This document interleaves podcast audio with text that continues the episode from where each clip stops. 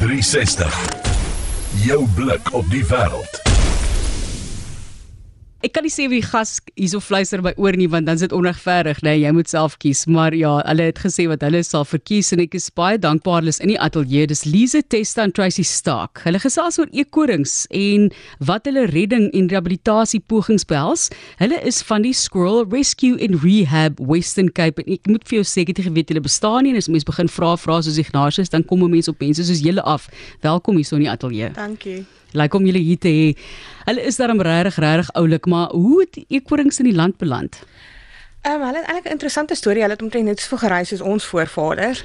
Hulle is ehm um, uit Amerika Europa toe gevat.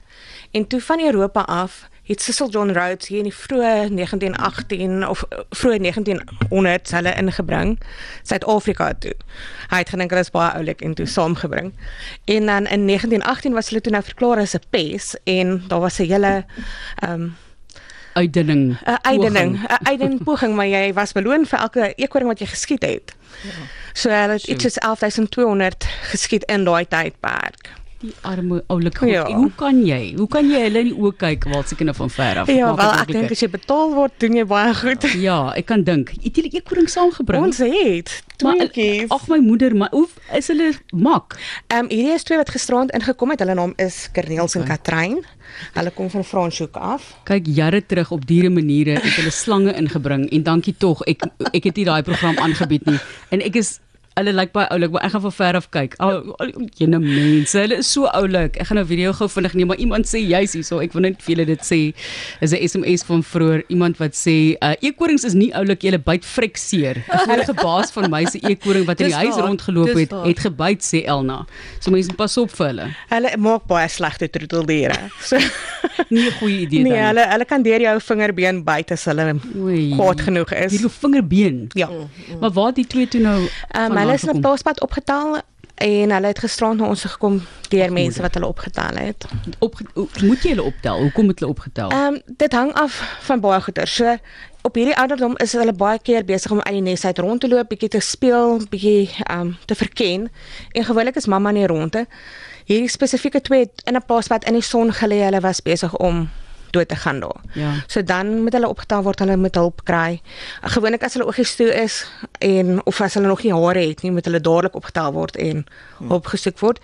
Ons probeer hulle altyd verenig met die mamma, verenig en ehm um, Ja.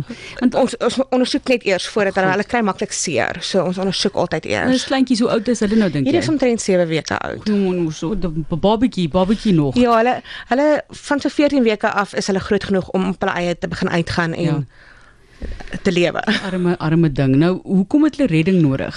Ek moet nou sê ek het 'n artikel raak gelees waar daar nog gesê word hulle word nou geëet maar hulle word ook baie baie aaklig doodgemaak. En ek gaan nou nie uitbrei daarop hier dit is nou vakansie en is middagete. So hoekom het hulle hulp nodig? Omdat hulle is dan nog nie inheems nie dis hoekom ja, weet wat omdat hulle nie inheems is nie is ja. daar amper niemand wat hulle beskerm nie. So dan word hulle op wrede maniere doodgemaak en Ehm um, mense vat hulle stroeteldiere kyk nie na hulle nie hulle weet nie wat se siektes hulle kan kry nie hulle weet nie hoe om hulle dieet aan te pas dat hulle in ehm um, in hulle huise kan voortbly nie. So dis waar die die redding deel inkom is iemand moet kyk dat hulle nie mishandel word nie. Almal van Eden wil sê ek het 'n eekorntjie Rakarari vir 8 jaar in 'n week gehad. Hulle is die oulikste liefdadigste diertjies. Het uit my mond geëet. Ek het nog nooit so gehuil soos die dag of die nag van 29 Augustus 2017 toe hy oorlede is nie. Handdoeke nat gehuil ek kan dink dit is so 'n dier regtig in mense hart inkruip almal ek is jammer daaroor maar jy het nou gesê nee goeie troeteldier nie gee ons net 'n idee van hoe jy ook rehabiliteer watter proses gaan jy deur en jy het mense wat jy oplei om ook ons het mense wat ons oplei om om te rehabiliteer so hulle gaan vir weke in 'n hok wat groot genoeg is as ek sê hok praat ons amper so groot soos hierdie studio hulle um, word stadig aan al die natuurlike kosse voorgestel en leer om op hulle eie manier te nes te bou en um, ons gee vir hulle legkaarte om te te te wat se Afrikaanse woord? om mekaar te sit ja, ja om, om, om om te leer hoe om goed. alles in die wild self te kan doen. So jy gebruik legkaarte om hulle te leer om in die in die wild Ja, te as ek nou oorleef. sê legkaarte bedoel ek soos soos daai blokkies wat in mekaar pas wat Ja, hulle ja. moet losmaak om 'n stukkie kos uit te kry. Ajete. Dat hulle allerlei maniere in die wild kan hê om daai op te los, daai probleme op te los. Dis 'n hele nuwe wêreld vir my. Ek het nog nooit dit hiervan gehoor is en ons wanneer hulle nou vrygelaat is, word hulle nog vir 2 of 3 weke gevoer. Hulle kom terug en tot, tot die dag wat hulle nie meer terugkom nie, word of hulle kos uitgesit en 'n veilige nesie gehou tot hulle Ja. hulle voel hulle is reg om die wyd, buitewêreld in te gaan. Julle hou hulle nie daar nie. Julle, julle laat hulle altyd vry op die ou end. Maar hoe hoe weet ek byvoorbeeld dat 'n eekoring is in nood? So as hy klein is, oogies is toe, hy het nie hare nie en hy's op die grond, gaan hy teen een hulp nodig hê. As hy groter is en hy het 'n abses, 'n oop wond, 'n gebreekte been of hy trap nie op sy voetjie nie, hy val om of hy loop in die ronde.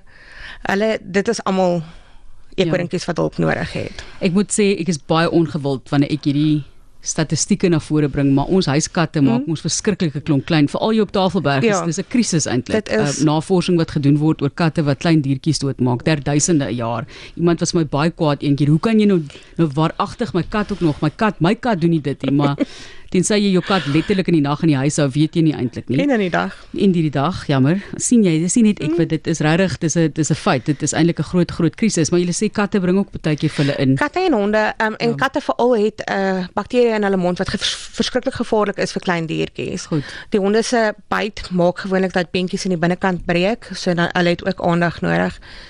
Maar ja, enige dier wat jou kat inbring het antibiotika nodig om Ja, kan oorleef. Ja. Wat eet hulle? Wat is hulle hulle hulle hulle wêreld? Gee vir ons 'n idee van hulle wêreld. so hulle eet nie peanuts nie. Ja, ek dink Asseblief nee, moenie vir hulle peanuts gee nie. Goed. Dit is eintlik baie sleg vir hulle. Vrug, vars vrugte, vars groente, ehm um, blomme wat jy in die natuur kry, takkies wat jy in die natuur kry.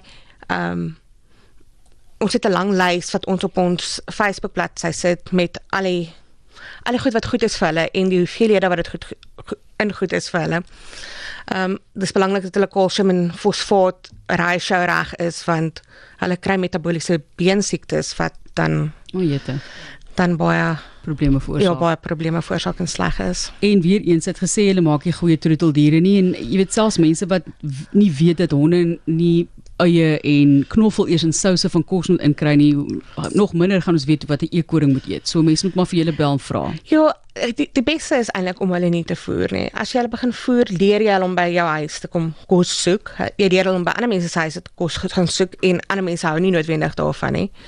So los hulle dat hulle hulle eie kos kry. Meeste van hulle weet presies waar die kos is. Bel hulle, hulle kan help. Uh ja, ek sê vir jou die arme dinge, dis die eekoringetjies waaroor ons gesels baie interessante geskiedenis en dit is Squirrel Rescue and Rehab in die Wes-Kaap wat hier kom kuier het met twee eekoringetjies wat gister ingekom het, 7 weke oud skat hulle. En ek sê vir jou dit is groot jammerte as mens hoor wat met hierdie diere gebeur. Kan mense net vir julle kontak? Definitief. As hulle nie vir ons in hande kry nie, altyd 'n veearts, die veearts verwys hulle terug na ons toe.